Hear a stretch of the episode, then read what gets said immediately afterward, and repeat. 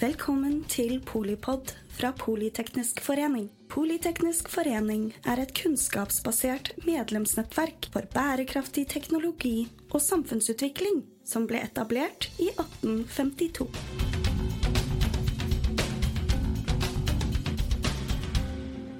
Wonderful to have such an expert uh, on stage, uh, and I would like to invite one more uh, fantastic expert, my colleague, Mr. Torjus Bolkesjø, Head of Global Drivers in, Statkraft. And while you're on the way up, Torjus, just remind you, in this session you can ask questions to Torjus and Meredith using slido.com, hashtag uh, Statkraft or emneknagg Statkraft. And I get them on my uh, pad and I will try to forward them to you. But, but Torjus, um, looking at Meredith's and Bloomberg NEF's uh, research, uh, how does that compare to uh, our own research in Statkraft? There are many similarities and there are also some differences. So thank you for, for the very interesting presentation. Um, starting with the similarities, we also see a deep energy transition coming towards 2050, based mainly on the continued large uh, scale growth of renewable power replacing fossil. That, uh, is, uh, the direction is clear, but the speed is, still uncertain, I think. And also the electrification of transport industries, as you mentioned, but also heating, I think is also coming, and that's also very clear in our analysis. Um, we also share the view, and we experience the view on, the short-term uh, cost increases uh, in renewable power, but also we share uh, largely the visions for, the um, developments in the long term towards still decreasing costs, as there is still learning effects to, to utilize there.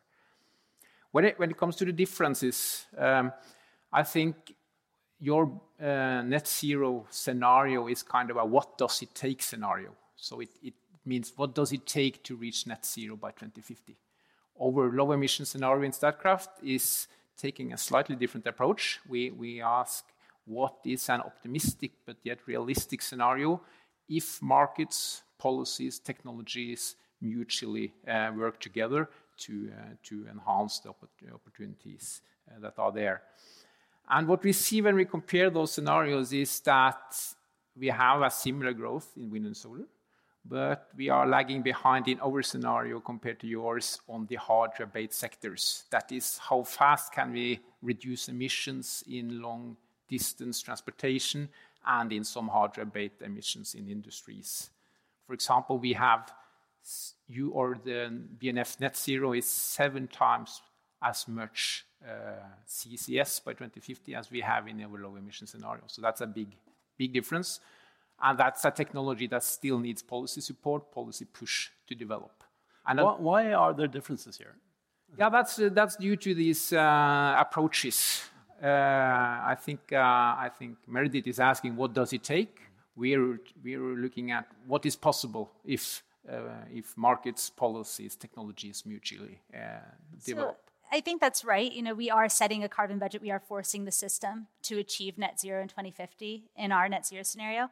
I'd still say that, you know, it's increasingly optimistic, but possible, our scenario. It is. Um, we definitely need new policies on industry. We're starting to see some movement there. The hope is that by the end of this uh, year, we'll finally be where we thought we were going to be last year in terms of hydrogen development, um, which is key for industrial decarbonization here in Europe.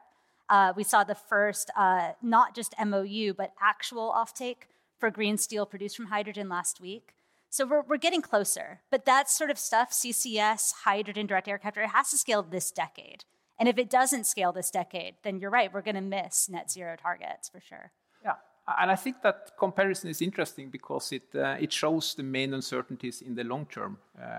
And I want to ask you about risks Okay. and uncertainty because Professor David Wachter is uh, in the next session. He's going to talk about risks and uncertainties. And I know to you that you, uh, you, you often think that we don't, as an industry, talk enough about this. Uh, uh, so, to both of you, when you look at your research, what are the main sort of risks and, uh, and uncertainties?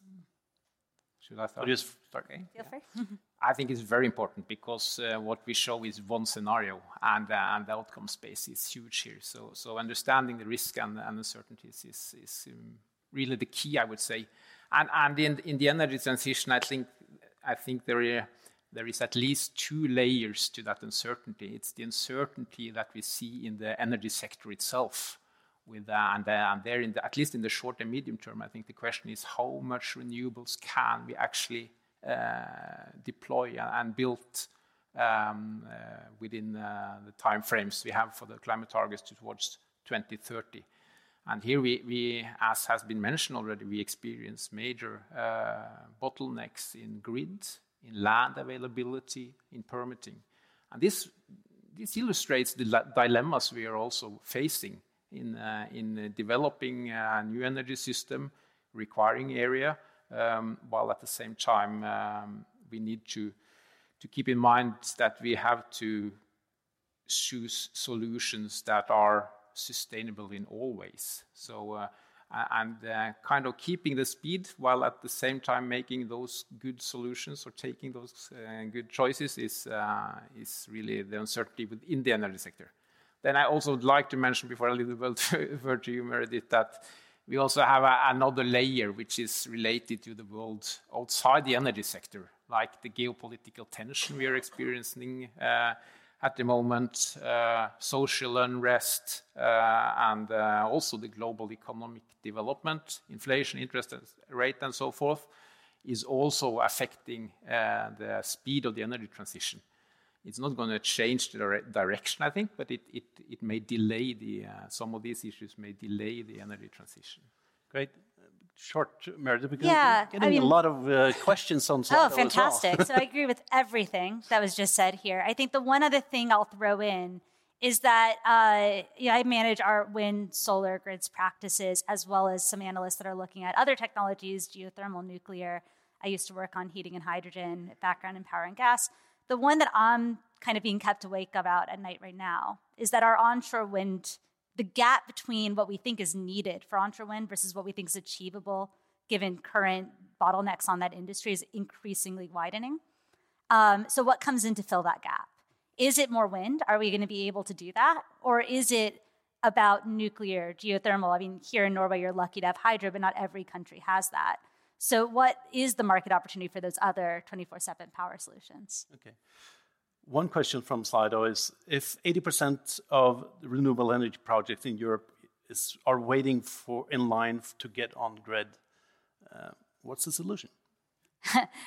Uh, there's a couple. I mean, the easy one is build more grid, but that's not as easy to do, of course, because you have to consider permitting. I think there are some quick wins that we can do. What we're finding is that markets that go for a ready to build rather than a first come, first serve permitting process tend to have a more efficient queue system. Uh, so that means that you need to come in with like kind of a realistic project, not a pie in the sky project. Uh, that reduces the amount of time that you waste on infeasible projects. Uh, and another one is digitalization.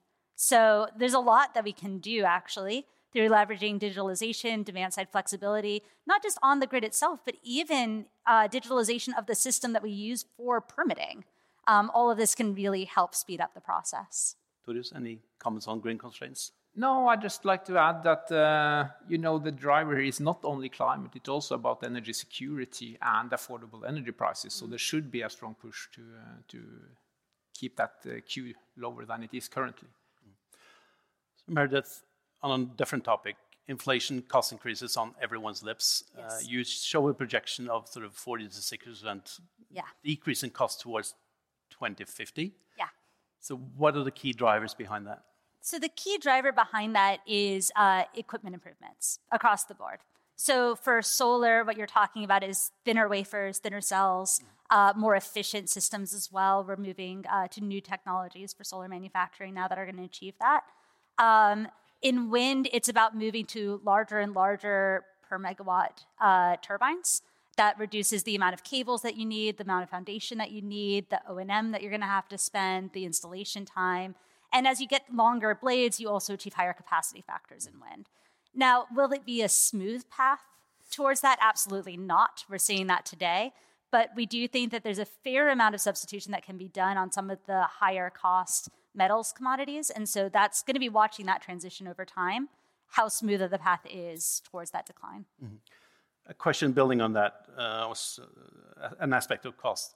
Is the cost increase more negative for renewables than for fossil? maybe this year it is, but last year it was definitely worse on fossil fuels than it was on renewables, which is why you still saw the economics favoring yeah. renewable build. First presentation I've seen in a conference like this where China is only a small part of a, a slide. You need to comment a bit more on, on China. Oh. How is, is development in China going to affect uh, what we're talking about? I mean, that's the, the big question, isn't it? Oh, we have three months.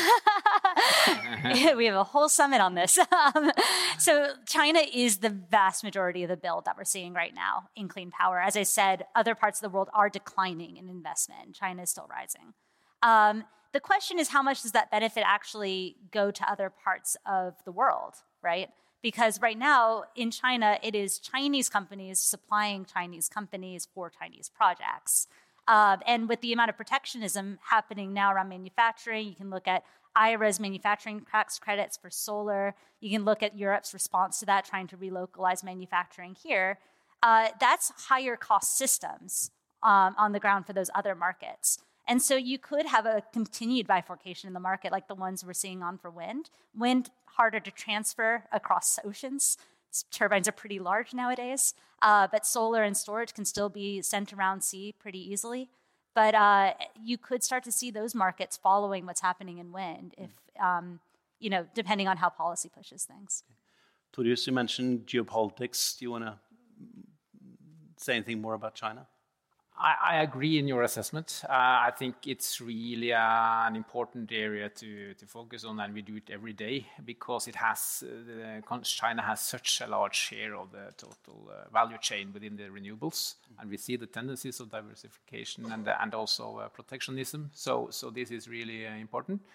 again, I, I'm I'm optimistic enough to say that it's not gonna any further tension is not going to change the direction of the energy transition because the, the, the technologies are already so developed.